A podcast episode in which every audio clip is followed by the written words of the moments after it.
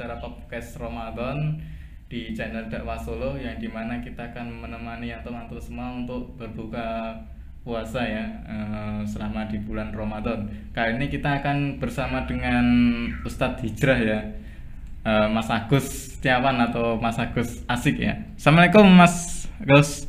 Waalaikumsalam warahmatullahi wabarakatuh. Ya, meskipun puasa masih semangat ya Mas. Insya Allah tetap semangat Ya, ya. Masya Allah sem- eh, semangat muda ini. Membara-bara. Masya Allah. Ya ini Mas Agus tentang eh, bahagia ya. Kadang kan setiap orang itu mendefinisikan bahagia itu eh, sendiri-sendiri. Ada yang bahagia, bahagia itu karena materi, ada yang bahagia itu karena cita-citanya sudah tercapai, ada yang bahagia itu karena cintanya itu sudah diterima. Nah itu kalau misalnya bahagia definisi secara umum tentang bahagia itu sendiri itu gimana Mas Agus?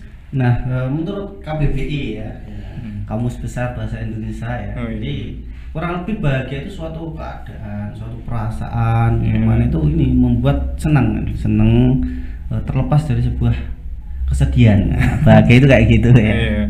Nah ini secara umum kan seperti itu. Nah semua orang ya pengen bahagia ya. ya Iya, nggak? semua orang pengen bahagia, Iya. orang merenggut bae.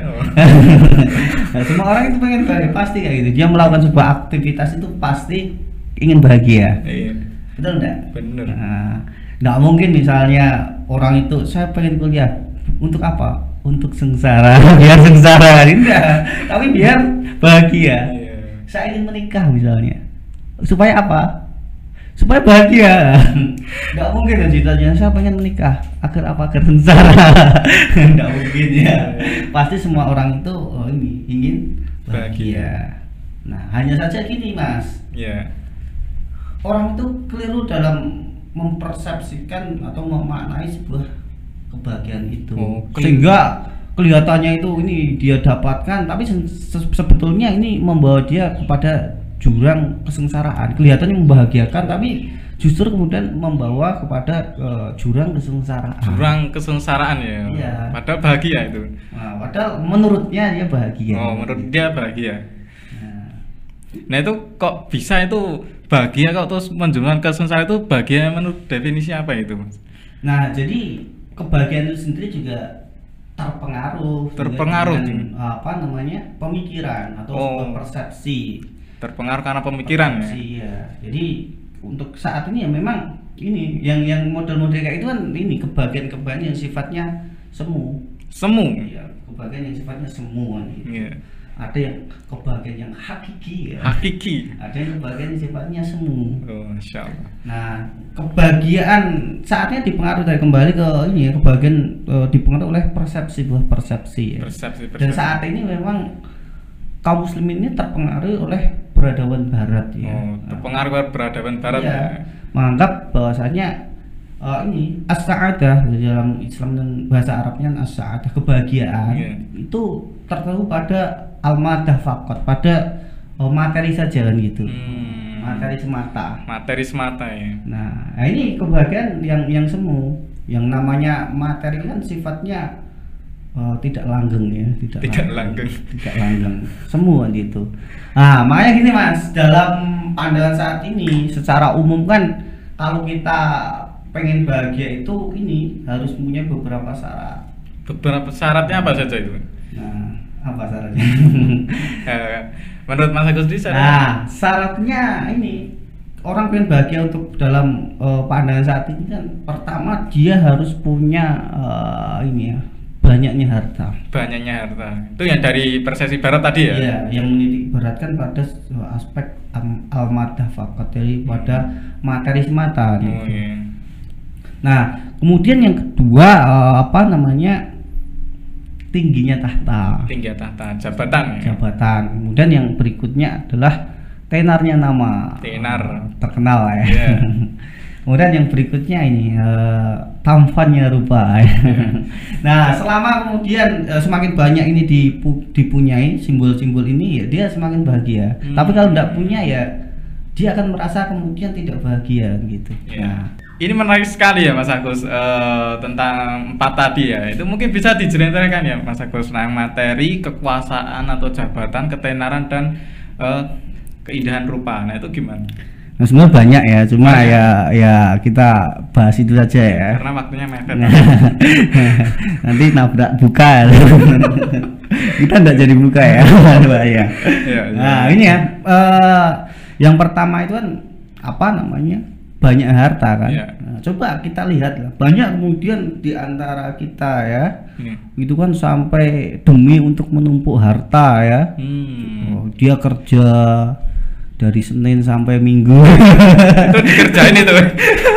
Bukan kerja tapi dikerjain ya. Eh, Senin sampai Ahad ya itu kerja terus apa namanya lembur terus misalnya. Eh, demi apa coba? Sampai lupa lupa oh, ibadah, lupa yang lainnya kan gitu. Lupa keluarga itu pasti. Berangkatnya anak belum bangun, pulangnya anak udah tidur. Tidak pernah ketemu ya. Nah, demi apa cobaan gitu? Demi kemudian untuk eh, menumpuk harta itu tadi. Tentang- Karena anggapannya kalau dia itu dapat harta ya nah, dia akan bahagia kan gitu. Harta banyak sama dengan bahagia gitu. Iya. Coba sekarang ini kan orang kemudian miskin, meskipun dia itu berilmu kan gitu. Iya. Oh, atau ke, oh, ini kan dia akan minder dengan ketemu dengan orang yang kaya karena merasa hina gitu loh. kalau miskin itu hina. Oh. Eh, kalau kaya itu kayak wah, sesuatu yang mulia gitu loh. Iya. Nah, padahal kan tidak demikian kan Iya. gitu.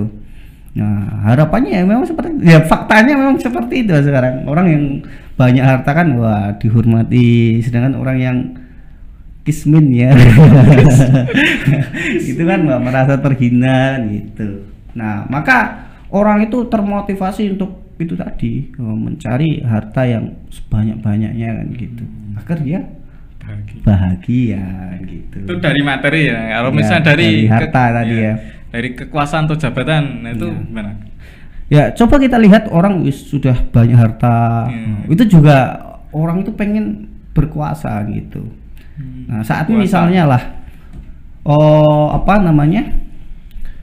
Dia sudah banyak harta ya. Iya. Nah, dia pengen berkuasa, nyalon pengen jadi apalah gitu. Iya, nyalon Nah, kita lihatlah gitu. eh, ketika dia pengen jadi itu kan apa yang dilakukan demi untuk me- meraih sebuah jabatan. Kan itu kan ada ada pernah ini kan biasanya kan dia oh, selalu baca kasih amplop kan gitu. Dia melakukan segala cara agar kemudian dapat jabatannya tadi. Hmm. Karena anggapannya kalau dapat jabatan kan wah dia disegani, dia punya banyak kekuatan kan gitu. kadang kan Nah. kalau sudah dapat jabatan tuh korupsi. Ya masalahnya ini masalahnya kan antara gaji dan apa yang dikeluarkan tadi. Lebih banyak yang dikeluarkan ya. Sehingga bagaimana untuk mengembalikan modal itu? Ya salahnya itu. Kenapa kita bahas itu? Ya ini ya, ya. oh ininya banyak orang yang kemudian apa namanya oh menginginkan jabatan itu dengan berbagai macam apa namanya itu tadi segala macam cara ya. Mau itu kotor ini tetap saja digas demi dapat jabatan, Jabatan. gitu. Nah itu kalau tentang jabatan ya. Nah itu yang ketiga itu tentang ketenaran. Ketenaran ya. Saat ini bisa kita lihat lah Ya. eh, bagaimana orang itu pengen terkenal kan. Dia melakukan segala hal eh, agar orang itu bisa mengenal dirinya Eh, Ya. Oh, makanya saking kelihatan pentingnya, wah, dia melakukan macam-macam hal ya biar terkenal. Ya, kayak, Kayak apa ya? kayak korban TikTok ya. ya, nggak merasa ada di korban ya. ya. Korban. Coba joget-joget di jalan raya ya, joget-joget itu. Lampu merah ya joget-joget. Biar apa coba? Biar tenar. Biar tenar, biar viral. Kalau viral itu wah sesuatu yang membahagiakan sekali, sesuatu yang membanggakan. Wah, ki videoku viral misalnya. Itu tanpa melihat yang lainnya, wis joget-joget padahal muslimah kan gitu. Nah, ini menunjukkan betapa pentingnya apa namanya? eh, ketenaran nama tadi. Hmm. Sampai beli follower ya. Demi apa coba gitu. Ya karena memang itu sesuatu yang penting gitu loh. bahkan sampai eh, mengancam nyawanya itu ya Iya, ada demi- juga ya. demi konten Ya demi konten kan gitu. Iya. Karena memang ya saat ini memang banyak yang khususnya anak muda itu ya memang cita-citanya memang pengen kayak gitu. Kayak kayak saya dulu juga sama gitu. gitu ya, iya. Eh, pemain band ya, pengen terkenal. oh iya Ariel Noah itu ya Ariel Noah itu ya Nah, itu murid saya. Enggak ya. Iya, apa ya cita-cita pengen kayak Ariel, pengen Hmm. kayak Charlie ya. ST12 ya.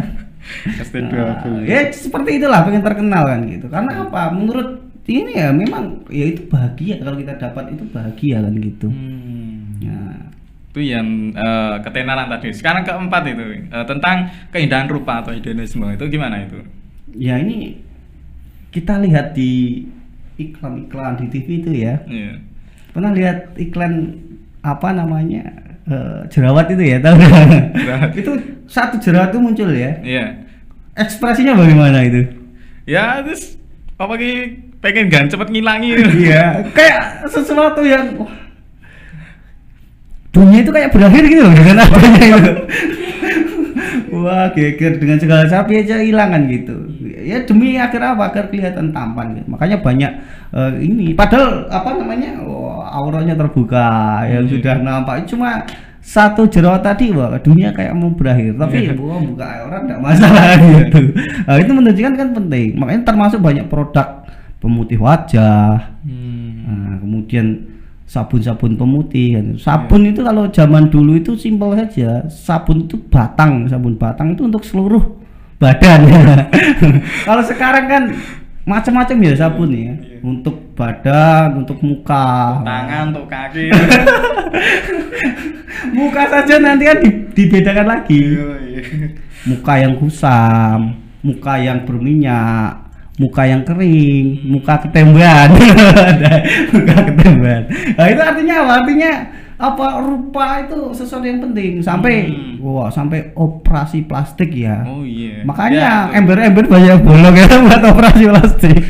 oh iya saya juga ingat ya itu banyak kan itu ya eh, di kalangan-kalangan artis-artis luar negeri itu bah- bahkan ada yang merubah wajahnya itu Iya. ya karena karena ketenaran Saking pentingnya itu tadi. Iya. Menurutnya kalau cantik ya wis itu sempurna, membahagiakan. Jadi Sempurna. pusat perhatian kan gitu. pusat perhatian ya Masya Allah. Nah, Nah, tadi kan kita berbicara tentang bahagia definisi dari barat, dari kapitalis. Nah, kalau sekarang kita bahagia menurut definisi Islam itu sendiri gimana, Mas? ya ini kebahagiaan kita bahas kebahagiaan yang hakiki ya di Hakiki. hakiki. Ya, tadi kan semu berarti. Eh, semu.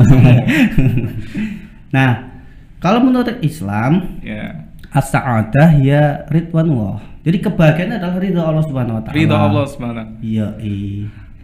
Nah, maksudnya yaitu eh, ridho Allah itu ya kita berjalan itu ya sesuai dengan perintah dan larangan Allah Subhanahu wa taala. Sesuai perintah dan larangan. Iya, sesuai dengan Al-Qur'an As-Sunnah gitulah kira-kira. Oh, iya. Nah, jadi setiap kita melakukan aktivitas ya harus disesuaikan itu. Hmm. Boleh atau tidak? Kalau tidak boleh berarti ditinggalkan. Kalau boleh Tinggalkan. ya boleh dikerjakan kan Dikerjakan. gitu.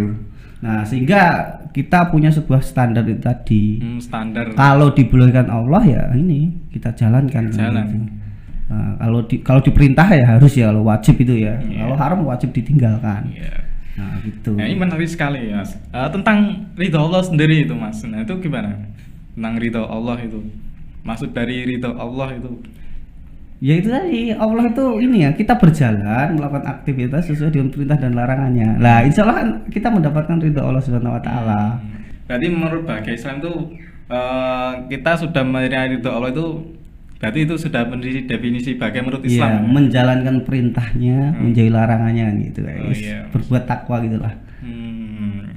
Ya kalau empat tadi Mas, kalau empat dari kalau misalnya kita sandingkan dengan Islam itu itu gimana? Yang tadi ya, Iya. syarat-syarat tadi ya. Iya. Nah sebenarnya ya itu tadi yang penting kita itu berjalan sesuai dengan perintah dan larangannya. Hmm. Nah, pertama tadi apa? Harta, Harta. gitu, harta. Jadi boleh saja kemudian seorang muslim itu ya ya kaya, punya harta gitu. Justru bagus juga kan gitu. Hmm. Oh, kita naik gaji juga butuh harta gitu. Kamu ibadah maksimal juga itu kan gitu. Ya, jalan kaki nggak bisa Nah, ya. nah, tapi yang penting jangan kemudian menitik men- menitikkan pada eh, itu tadi harta saja. Artinya Hmm. harta ini bisa menjadi sebuah wasilah me- untuk mendapatkan sebuah kebahagiaan yang ha hakiki tadi menurut pandangan Islam itu tadi. Oh, berarti harta itu jangan jadikan prioritas gitu. Nah, bukan menjadi tujuan, tapi bisa Oh, menjadi sebuah iya. wasilah itu tadi. Nah, kalau harta kemudian di tangan seorang muslim kan akan mendatangkan sebuah kemanfaatan yang luar biasa. Oh iya. Nah, bisa kemudian untuk kita infakkan membangun masjid, Iya. menyantuni yatim piatu, janda dan lain sebagainya kayak gitu. Bisa naik haji tadi kayak gitu. Nah, kan butuh harta juga butuh duit kan. Tidak Iya. bisa dengan bismillah. Kalau bismillah tok ya ya ada lah. Cuma satu dua orang. Tapi kan kita butuh ini. Nah, Insya Allah. untuk kemudian membantu misalnya kalau di Jawa kan fasilitas keagamaan macam-macam itu kan eh, mudah kita akses. Hmm. saudara kita di daerah timur di Papua, di NTT itu akses yang minoritas ya. Nah, ini akses untuk mendapatkan ke- akses eh, ilmu keislaman itu termasuk fasilitas Al-Qur'an macam-macam itu sangat minim. Nah, Hmm. kita bisa Wakaf. eh, wakafkan sana ya, Wakaf misalnya Al-Qur'an. wakaf Al-Qur'an, sarana air bersih Oh, macam-macam ya, mengandung iklan. ya itu kan dengan harta kan. Nah, artinya harta itu bisa kemudian menjadi wasilah meraih kebahagiaan. Hmm. Nah, cuma dalam Islam eh, dengan tidaknya harta itu tidak kemudian ini apa namanya tidak bisa bahagia. Kalau tadi kan sulit, seolah-olah kan hina kan gitu. Iya. Tapi kalau dalam Islam kan sebenarnya eh, itu bisa gitu. Contohnya siapa? Makanya gampang kalau ingin meraih kebahagiaan dalam Islam itu simpel sekali. Yang penting kita berjalan sesuai dengan perintah dan larangannya kan. Sesuai gitu. dengan perintah larangan ya. Iya, itu sebenarnya kebahagiaan yang hakiki gitu. Hakiki. Nah, tadi kembali orang yang tidak punya apa namanya harta tadi misalnya, pasti kamu antum kenal ini kan, Bilal ya. Bila muazin ya. Nah, muazin yang mantan budak kan gitu. Iya mantan budak yang di Diceritakan rambutnya kayak sarang rambut, eh, sarang apa burung ya, keriting kan gitu. Iya. Beliau kira-kira kaya enggak? Enggak. Enggak kan? Kan budak. mantan budak. Iya, kan? mantan budak.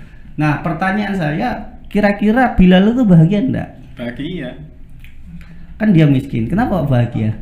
Ya karena kan sandalnya ada di surga. Ya, betul sekali kan itu. Bayangkan saja sahabat eh, apa namanya? Bilal tadi. Oh iya. Sudah diberitahu oleh Rasulullah kan gitu. Sendalnya masuk surga kan. Artinya apa? Ini sinyal ya, wis.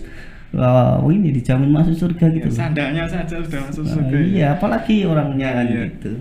Nah, ini luar biasa. Artinya eh, baik itu kaya atau miskin dalam Islam itu bisa bahagia asalkan tadi sesuai dengan perintah dan larangannya dan harta tadi bisa menjadi sebuah wasilah meraih sebuah Kebahagiaan. kebahagiaan kan gitu. Nah, Ini itu- yang pertama. Nah itu yang harta. Yang kedua tentang jabatan kekuasaan yang itu gimana? kalau- Tentang jabatannya, ya jabatan ini juga bisa kemudian untuk meraih kebahagiaan yang hakiki tadi. Oh, bisa bisa ternyata untuk ya. meraih keriduan Allah Subhanahu wa taala. asalkan. asalkan ya itu tadi ini misalnya apa misalnya kita dapat jabatan nih kita bikin aturan yang kemudian sesuai dengan syariat Allah Oh, gitu Iya iya. Nah, misalnya Mas Setiawan ini Mbak kelak ini jadi kepala sekolah ya gitu Amin. nah, amin yang kenceng ini bulan puasa loh biar diijabah jamaah apa namanya pemirsa dakwah Solo juga mengaminkan kan gitu jadi Ya. kepala sekolah misalnya di sekolah umum gitu ya kemudian bikin aturan juga kan sesuai dengan syariat Allah Subhanahu wa taala gitu. Nah, dengan maksimal misalnya eh, yang perempuan oh, pakai kudu oh, menutup aurat gitu. Pakaian Nanti syar'i ya. jangan takut sama emas itu ya. SP3 apa tiga menteri ya tidak masalah. Eh, dengan aturan-aturan semacam itu kemudian mendorong rohisnya untuk aktif. Hmm. Macam-macam kan gitu. Nah, sehingga dengan antum itu punya posisi tadi ya ini agar kemudian dakwah Islam, syiar Islam itu eh, mudah tersalurkan bikin sebuah eh, peraturan-peraturan yang sesuai dengan perintah dan larangan kan Oh, gitu. gitu ya. Jadi di- jabat harta jabatannya ya bisa jadi nanti menyengsarakan atau bisa kemudian itu dan membahagiakan. Hmm. Menyengsarakan ketika kita bikin aturan yang melawan hukum Allah. Melawan hukum Allah. Kalau ini yang sesuai dengan eh, apa namanya? Syariat. Syariat. Misal melegalkan miras, wah itu bahaya nanti. wah dosanya bisa wah gara-gara kebijakannya. Wah satu negara mendem apa misalnya. Ah, ini paling yang bikin aturan kan itu. Ah, jadi wah bisa menyengsarakan ya. Terprosot itu ya. Meskipun dia wah hartanya banyak gitu. Hmm. Wah, tapi di mata Allah itu wah ngeri itu. Hmm, Gitu. ngeri sekali ya. Ngeri. Nah itu yang kedua tentang kekuasaan dan jabatan. Sekarang ketiga tentang ketenaran. Nah itu disandingkan dengan Islam itu gimana? Nah, jadi tenar kan berarti ini ya tokoh bisa di ini dilihat. Nah, artinya ketika ketenaran nama itu dibi- dibuat untuk eh, kebaikan ya ini akan mendatangkan pahala. Akan Hmm. itu tadi wasilah lagi Oh, menuju banyak iki. Misalnya kita itu punya IG. Oke. Oh, followernya misalnya 100k. 100K. 100k, 100 ribu ya. Kemudian kita mengisi konten kita dengan konten-konten dakwah, syariat Islam, hijrah, syariat kafah kan gitu. Oh, sejarah-sejarah khulafa Rasyidin dengan kita kemas dengan eh, luar biasa kan gitu. Kemudian kekhilafan apa gitu eh, Utsmaniyah dan lain sebagainya ya. Itu kita kemas ada sejarah. Pokoknya yang yang memberi sebuah siar-siar Islam gitu ya. Dengan orang dengan konten yang kita berikan, orang itu kemudian tergerak, berubah, terinspirasi, kemudian dia itu hijrah, bergerak, eh, berdakwah, mengikuti Karena- jalan kita, karena Ya. kita misalnya. Karena konten kita ya. Ya karena konten Karena kita. konten kita. Maka ini Hmm. justru kemudian eh, apa namanya bisa eh, menjadi wasilah kebahagiaan itu. Berapa Hmm. kemudian yang kita panen pahalanya kan gitu. Iya Masya Allah. Nah, nah bu ke dalam kitab taklim ta'alim itu kan boleh tidak sebenarnya kita itu menjadi tokoh? Jawabannya boleh saja. Boleh mungkin. saja. Asalkan ya digunakan itu untuk apa namanya eh, agar mudah lah dakwah eh, Islam si Islam itu di, Oh. disebarkan. Nah kita kemudian mau dakwah, eh, wes sopo kan gitu. Kalau tidak tidak dikenal kan. Ya, asalkan Nah, hmm. untuk itu bukan untuk hanya gaya-gayaan itu tadi kan gitu. Wah sebaliknya ya itu tadi bisa menyusarakan. Oh, iya. Wah kontennya wis ndak jelas joget-jogetan. Ya, wongnya ora jelas, ya. Terus ngejak sing dosa-dosa lah. Ya itu ketika orang mengikuti apa yang terjadi ya kita oleh kecipratan gitu loh. Hmm, berarti karena mengikuti itu ya. Nah, Berarti kan ada, berarti nanti kita ada karena konten itu kita bisa dapat eh, pahala jariah karena konten itu kita bisa dapat dosa jariah gitu ya. iya. Nah, makanya ya itu tadi Hmm. Ya, bisa inilah tenarnya nama itu bisa digunakan untuk kebaikan juga kan gitu. Kita sampaikan kebaikan, kita sampaikan dakwah Islam kan gitu. Oh ya. Sehingga eh, dengan konten kita itu orang terinspirasi gitu. Ya, Masya Allah. Ya, itu yang yang bilang wah Mas Setiawan kan gitu kan bukan untuk gaya-gayaan ya itu tadi wah dengan beliau dengan konten-konten yang beliau di share ini saya terinspirasi betul misalnya. Nah ini alhamdulillah ya enggak Iya. dapat onta merah ya luar biasa. Itu yang ketiga yang tentang ketenaran. Sekarang yang terakhir ini, yang keempat ini tentang keindahan rupa.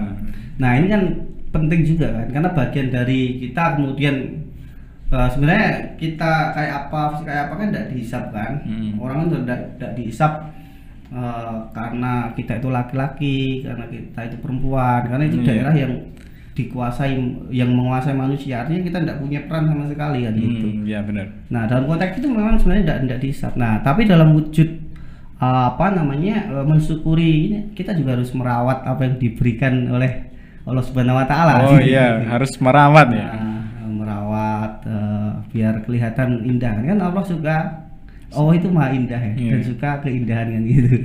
Nah, makanya ya itu juga ndak ndak masalah. Nah, karena kayak misalnya yang menjadi apa de- apa diplomat pertama eh, Rasulullah ya ke Yastrib saat itu siapa namanya? Ya, Mus'ab. Mus'ab kan. Mus'ab, dia ya. seorang pemuda yang dulu itu kan kaya ya, Ya, kaya. hijrah, kemudian tidak difasilitasi lagi lah ini ya, bahkan oh, minyak wangi kalau berjalan itu wah sudah ketahuan. Ya, Itu Mus'ab itu. Mus'ab. Dia punya sepatu saja yang wah impor ya dari dari mana tidak ada ya di Mekah itu. Impor. Ininya kan itu. Hmm. Nah, dia termasuk alasan ini kan dilihat itu oh, dia kemudian punya wah pokoknya menarik gitu loh. Hmm. Sehingga kalau orang eh, di Sawang Yamena ganteng kan gitu, ini bisa Iya. dimanfaatkan untuk nah, itu tadi. Untuk dakwah tadi ya? Dakwah itu tadi. Oh, Sehingga iya. lebih menarik kan gitu. Nih. Sehingga orang mudah eh, ini eh, terinspirasi gitu terinspirasi. Masya Allah terinspirasi karena keindahan tadi. ya.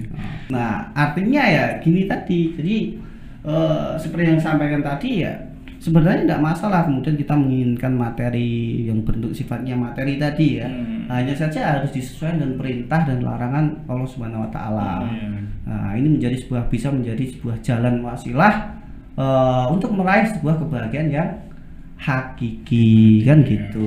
Ya, syukran jazakallahu khair untuk Mas Belum lagi nih mas. Sekarang pertanyaannya adalah bagaimana kita itu mengetahui apa namanya itu kebahagiaan hakiki atau kebahagiaan yang semu tadi? Hmm. Caranya apa? Ya menurut Mas Agus sendiri cara Ngaji. Caranya ngaji ya. Dan kumpul-kumpul dengan kumpul dengan orang, orang yang soleh, soleh. gitu. Nah itu ya. Jadi eh, sebagai ini udah mau buka ya. Ya, sebagai eh, penutup ya ya itu tadi ya. Jadi kebahagiaan itu adalah ridho Allah Subhanahu wa taala. Kadang orang itu hanya terfokus pada hal-hal yang sebenarnya tidak dihisap. Iya. Nah, kayak tadi mempertampan eh, apa namanya? eh, rupa eh, ini, ini kan area yang kemudian tidak dihisap kan, area yang di, di yang menguasai manusia kan gitu. Iya. Eh, tapi kemudian lupa ya kemudian yang yang dihisap itu kan gitu. Hmm. Nah, maka dari itu ini eh, tadi yuk eh, kita itu belajar sama-sama agar kita itu. Mengetahui mana yang kemudian kebahagiaan hakiki, mana yang kebahagiaan semu, semu itu tadi. Ya, Masya Allah ya. Nah, ya semoga kita mendapatkan kebahagiaan yang hakiki ya, Ya, dapat amin. ridho Allah Subhanahu wa taala dikumpulkan di surga. Ya, amin, Nah, amin ya rabbal ya, alamin, ya. eh, pemirsa dakwah Solo. Ya, amin amin ya rabbal alamin. Ya, syukran jazakallahu khair untuk Mas Agus ya atas ilmunya yang sangat luar biasa sekali. Dan eh, cukup sekian acara podcast Ramadan pada kesempatan kali ini. Kalau misalnya dari saya ada yang salah kata, salah perilaku ataupun salah perbuatan dari saya, sama maaf. Bila taufik wa'hidayah. Wassalamualaikum warahmatullahi wabarakatuh. Waalaikumsalam warahmatullahi wabarakatuh. Thank you.